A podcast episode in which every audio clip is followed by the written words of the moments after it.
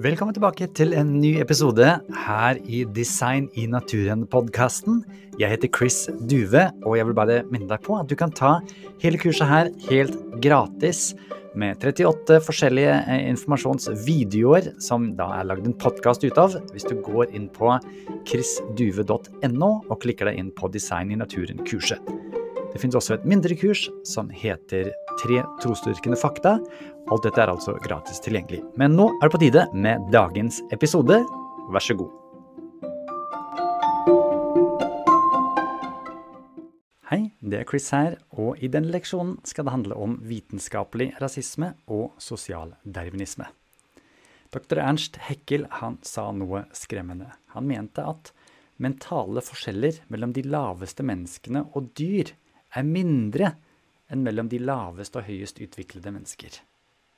I denne leksjonen skal det handle om vitenskapelig rasisme, sosialdarwinisme, folkemord i Namibia i Darwins navn, Australias arv etter Darwin, samene i Norge, og hvordan designtanken er en motvekt. I dokumentaren Human Zoos så ser vi at dessverre så tok søken etter missing links helt av. In the 1880s, there was Crow, promoted as living proof of Darwin's theory of the descent of man. She was described as a perfect specimen of the step between man and monkey. Actually, Crow was a young woman from Southeast Asia who suffered from hypertrichosis, a rare genetic condition that produces excessive hair. In the early 1900s, there was Congo, the ape man, usually exhibited in a cage next to a chimpanzee. Og det som skjedde, var at eh, Darwin sin lære kom inn i vitenskapen i fullt monn. Inn i eh, biologien, inn i zoologien, antropologien.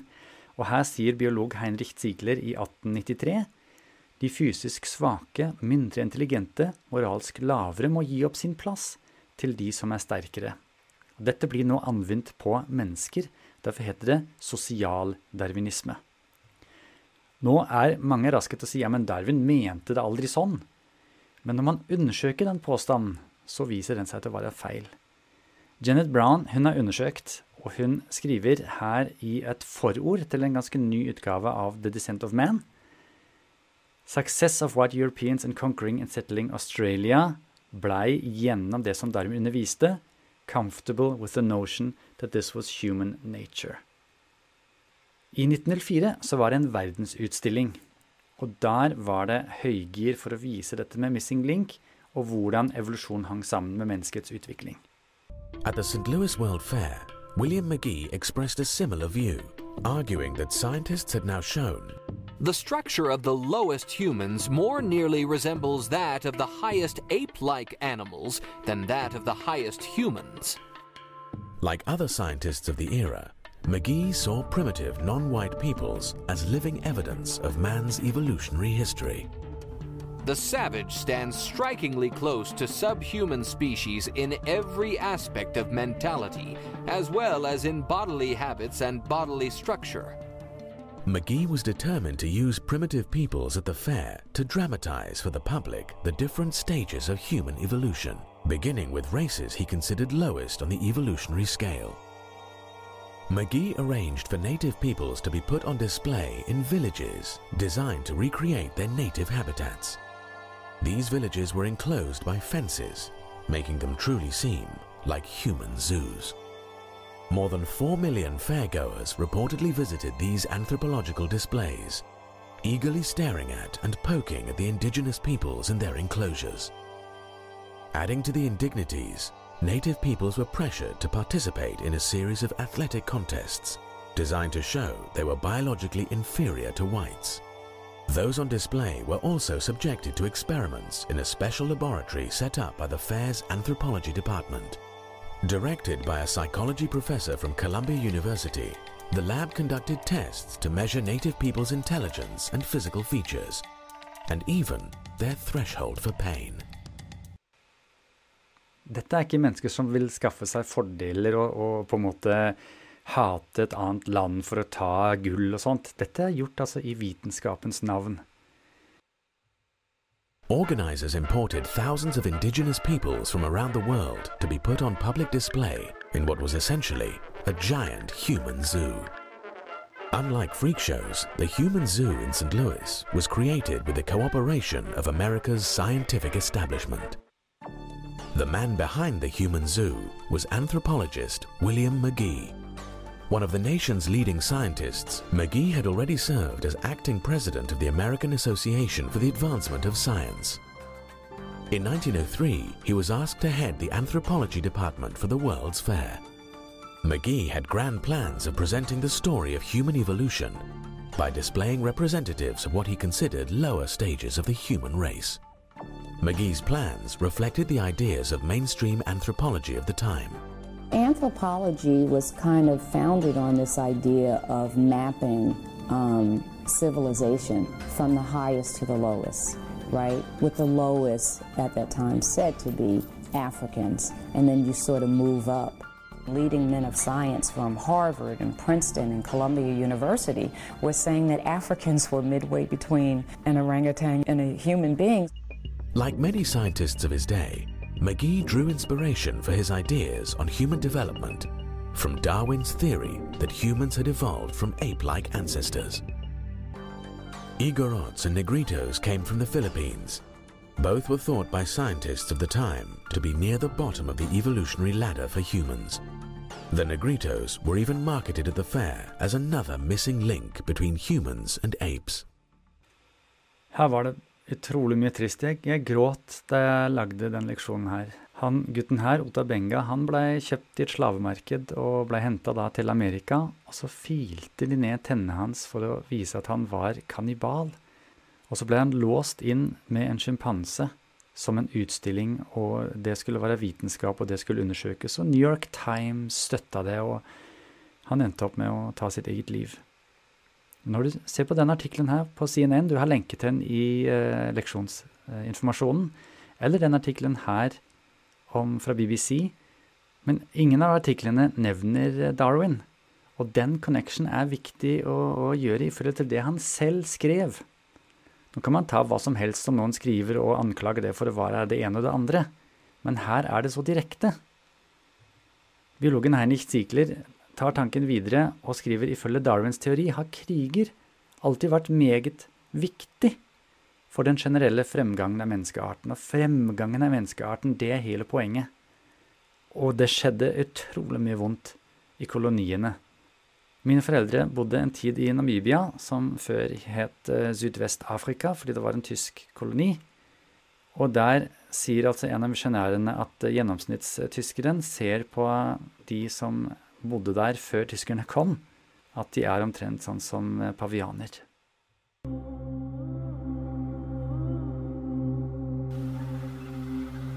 Between 1904 and 1908, the German military attempted to eradicate the Herero people in southwest Africa in what some scholars consider the first genocide of the 20th century. On October 2, 1904, General Lothar von Trotha issued what became known as his extermination order, declaring that the Hereros either had to leave German southwest Africa or face extinction. Herero men would be executed and Herero women and children would be driven into the desert where they would die of starvation or dehydration. Von Trotha justified his extermination campaign by an explicit appeal to social Darwinism, telling one newspaper that human feelings of philanthropy could not override the law of Darwin's The Struggle of the Fittest. Og dette er ikke tatt ut av kontekst, dette er ikke noe han har funnet på sjøl. Og dette er noe som han ikke er flau over å si til en avis. Og de som overlevde, de ble tatt inn i konsentrasjonsleirer. Ernst Heckel han sier videre folkene i Sør-Afrika og Australia har forblitt på det laveste trappetrinnet av menneskelig utvikling, og var av alle mennesker nærmest apene. Og Darwin sjøl, han var i Australia Eh, og det var her du ser MMS Beagle i Sydney når han er på vei hjem fra Galapagosøyene. 1834 eller 36. Og han så at aboriginerne slet. Og da sier han menneskevariasjoner ser ut til å behandle hverandre på samme måten som forskjellige dyrearter. De sterke driver ut de svake. Og den dag i dag så sliter aboriginerne. Nå er det 50 år siden at uh, de faktisk begynte å bli telt. Før var det viktigere å telle katter og hunder og sauer. Og det er ikke lenge siden. De har en historie hvor det er snakk om the stolen children, hvor de hvite da tok fra dem barna og tok de inn i institusjoner. Her ser du the successive breeding out of color in the aboriginal population. Til høyre er det en aboriginer, til midten så er det halv, og så til venstre er det kvert. Den Uluru, eller Ayers Rock, ble først gitt tilbake til aboriginerne i 1985. Det var ikke før i februar i 2008 at det kom en beklagelse. Den ble anmoda i 1997, og det tok altså da mange år før det kom. Og til og med når den kom, så blei det stort oppstyr, fordi det var ingen kompensasjon. Det blei ikke nevnt at nå skal vi gjøre opp for oss. Det var bare sorry, og så la oss bare alle være snille australiere og gå framover. Nå, i 2021, 6. august, ble det sagt at 378 millioner australske dollar skal brukes til kompensasjon. Ennå så er det omtrent alle yrkeslag som har lavere lønn av aboriginere enn de hvite. Nå kan man si ja, det fantes jo eh, rasisme før. Eh, James Cook og gjengen ankom i Australia ikke sant, og behandlet aboriginere som slaver og, og betraktet de som dyr.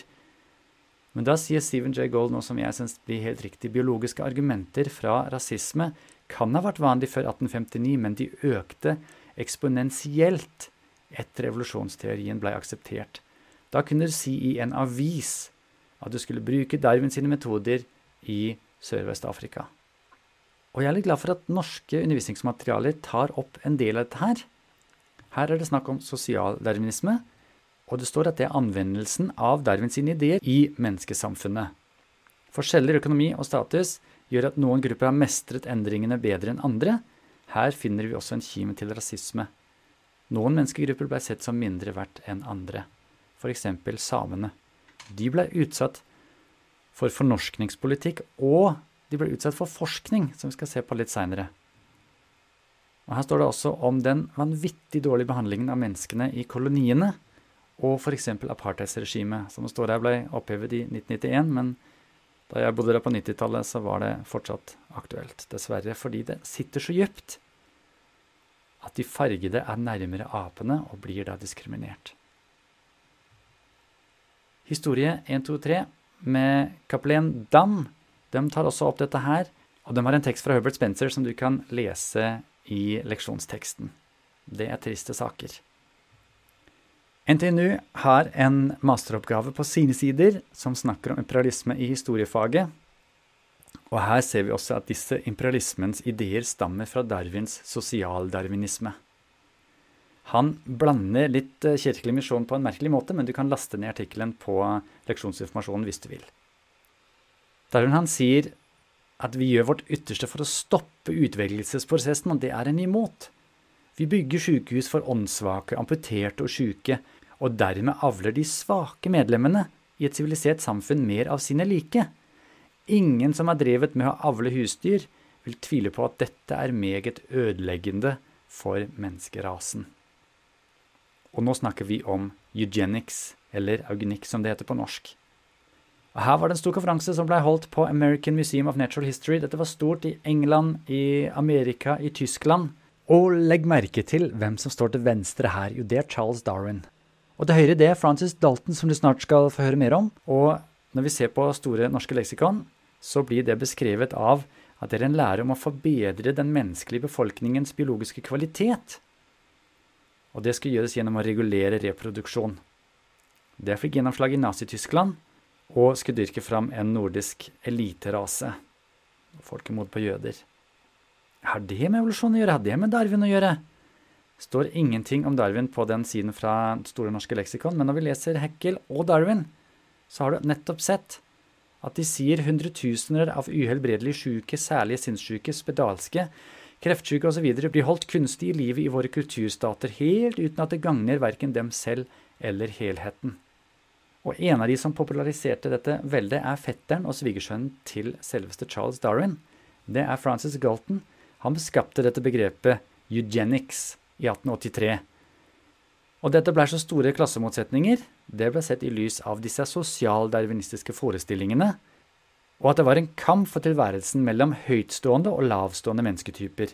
Og det måtte da reguleres, fordi de naturlige utvalgsmekanismene hadde blitt satt ut av spill, hvor de best egnede skulle overleve osv., ikke sant? Det var for mye snillisme, vi hjalp på de svake og greier. Og det er imot bevarelsen for de best skikkede former. Derfor skulle dette motvirkes gjennom regulering av reproduksjonen. Sterilisering, tvangssterilisering. Og når du ser på den utstillingen som var i American Museum of Natural History, så står det her more briefly this exhibit is about improvement in the breed of man. Og det naturlige steget var da rasehygiene. Man ville dyrke fram en nordisk rase og forebygge raseblanding og biologisk degenerasjon. Åndssvake, sinnssyke, de skulle steriliseres sånn at ikke de kunne avle. Og her står det noen tall. Jeg veit ikke om det er nøyaktige tall, men 922 personer tvangssterilisert, og 1201 som også egentlig da ble tvangssterilisert, selv om de sa at eh, de hadde lov til å bli sterilisert. Det skjedde i Norge. Helt fram til 1977. Og en av de som fikk dette her skikkelig i gang, var Jon Alfred Mjøen. Du kan laste ned en artikkel om han og hvordan dette her henger sammen med evolusjon og rasebiologi i leksjonsteksten. Her ser du hvordan samene blir målt, blir utsatt for forskning, blir tvunget ned fra fjellet. Nasjonalbiblioteket har en artikkel om rasehygiene, hvor de siterer Mjøen, og han sa i Bergen på 1910-tallet den misforståtte humaniteten, altså den strinlismen, som skattebetalerne betaler, oversvømmer Norge med dårlig genmateriale. Han ønsker ingen naiv innvandringspolitikk, for da blir det raseblanding, folkets gener blir enda dårligere. Den nordiske rase var i ferd med å utvannes. Dette begynner å høres litt ut som eh, andre verdenskrig. Vi kommer til det i neste leksjon. Svaret, det var rasehygiene. Og annet sterilisering av tatere. Denne artikkelen her kan du også laste ned i leksjonsteksten. Men hva med i dag? Dr. Richard Weichard, som har studert en masse om dette her, anbefaler deg å lete han opp på eh, internett eller på YouTube. Han sier hva skjer hvis vi ser på slike white supremacists, altså slike som fremmer den hvite rasen i dag? Er det kreasjonister? Nei, sier han, det er darwinister. They embrace Darwinian evolution and use it as evidence for their white supremacy. Det kan du også lese en viktig artikkel om i leksjonsteksten. Her er en som heter Richard Spencer. Han sa i en tale Forskjeller i grupper av mennesker eksisterer som en konsekvens av evolusjon ved naturlig utvalg. Raseforskjeller er en naturlig og normal konsekvens av menneskelig evolusjon. Og det her har eh, verdenshistorien vært borti før, med vitenskapelig støtte.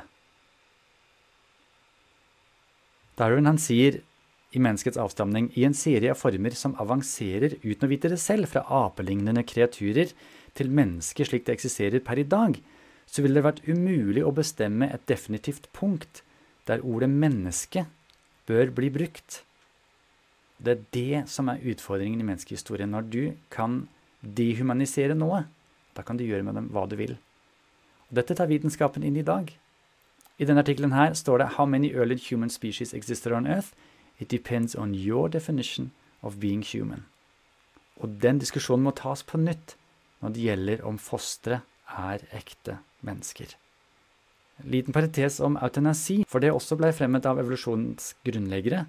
Heckel sier i 1915 en liten dose morfin eller cyankali ville ikke bare frigjøre disse stakkars vesener, men også deres slektninger fra lasten av en mangeårig verdiløs, strevsom tilværelse. Hva er et menneske? Det svarer Darwin på sjøl. Han sier i Menneskets avstamning vi har nå gitt mennesket et stamtre av en vidunderlig lengde, men ikke, kan man si, av noen edel beskaffenhet. Det bekrefter også våre biologibøker. Her står det i BI ifølge evolusjonslæren har alt liv i dag utviklet seg fra tidligere livsformer. Mennesket står ikke i noen særstilling blant livsformene. det er jo den direkte motsetningen av designtanken. Altså det som har gitt Europa menneskerettigheter, var ikke vikingene. Det var ikke germanerne eller romerne. At alle mennesker er like mye verdt. Det kommer fra designtankegangen, og ut ifra Bibelen, som påstår at designtankegangen er en realitet. At alle mennesker er skapt eller designet i Guds bilde. Det gir et helt annet utgangspunkt. I neste leksjon skal vi snakke om Darwin har noe med Marx og Hitler å gjøre. Har vi noen historiske tråder som eh, man kan ta fram der? La oss se på saken. I denne leksjonen har du lært at vitenskap har fremmet rasisme.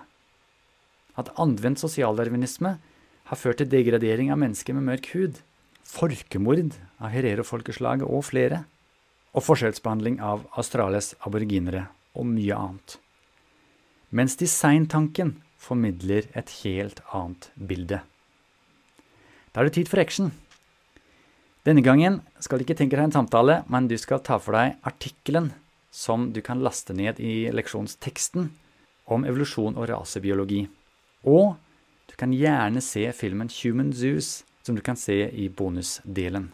Ta det for deg. Det er vondt å høre om, men det er viktig å ta et oppgjør med dette, og da må han vite litt hva som har ført til en del av de situasjonene. Dette klarer du.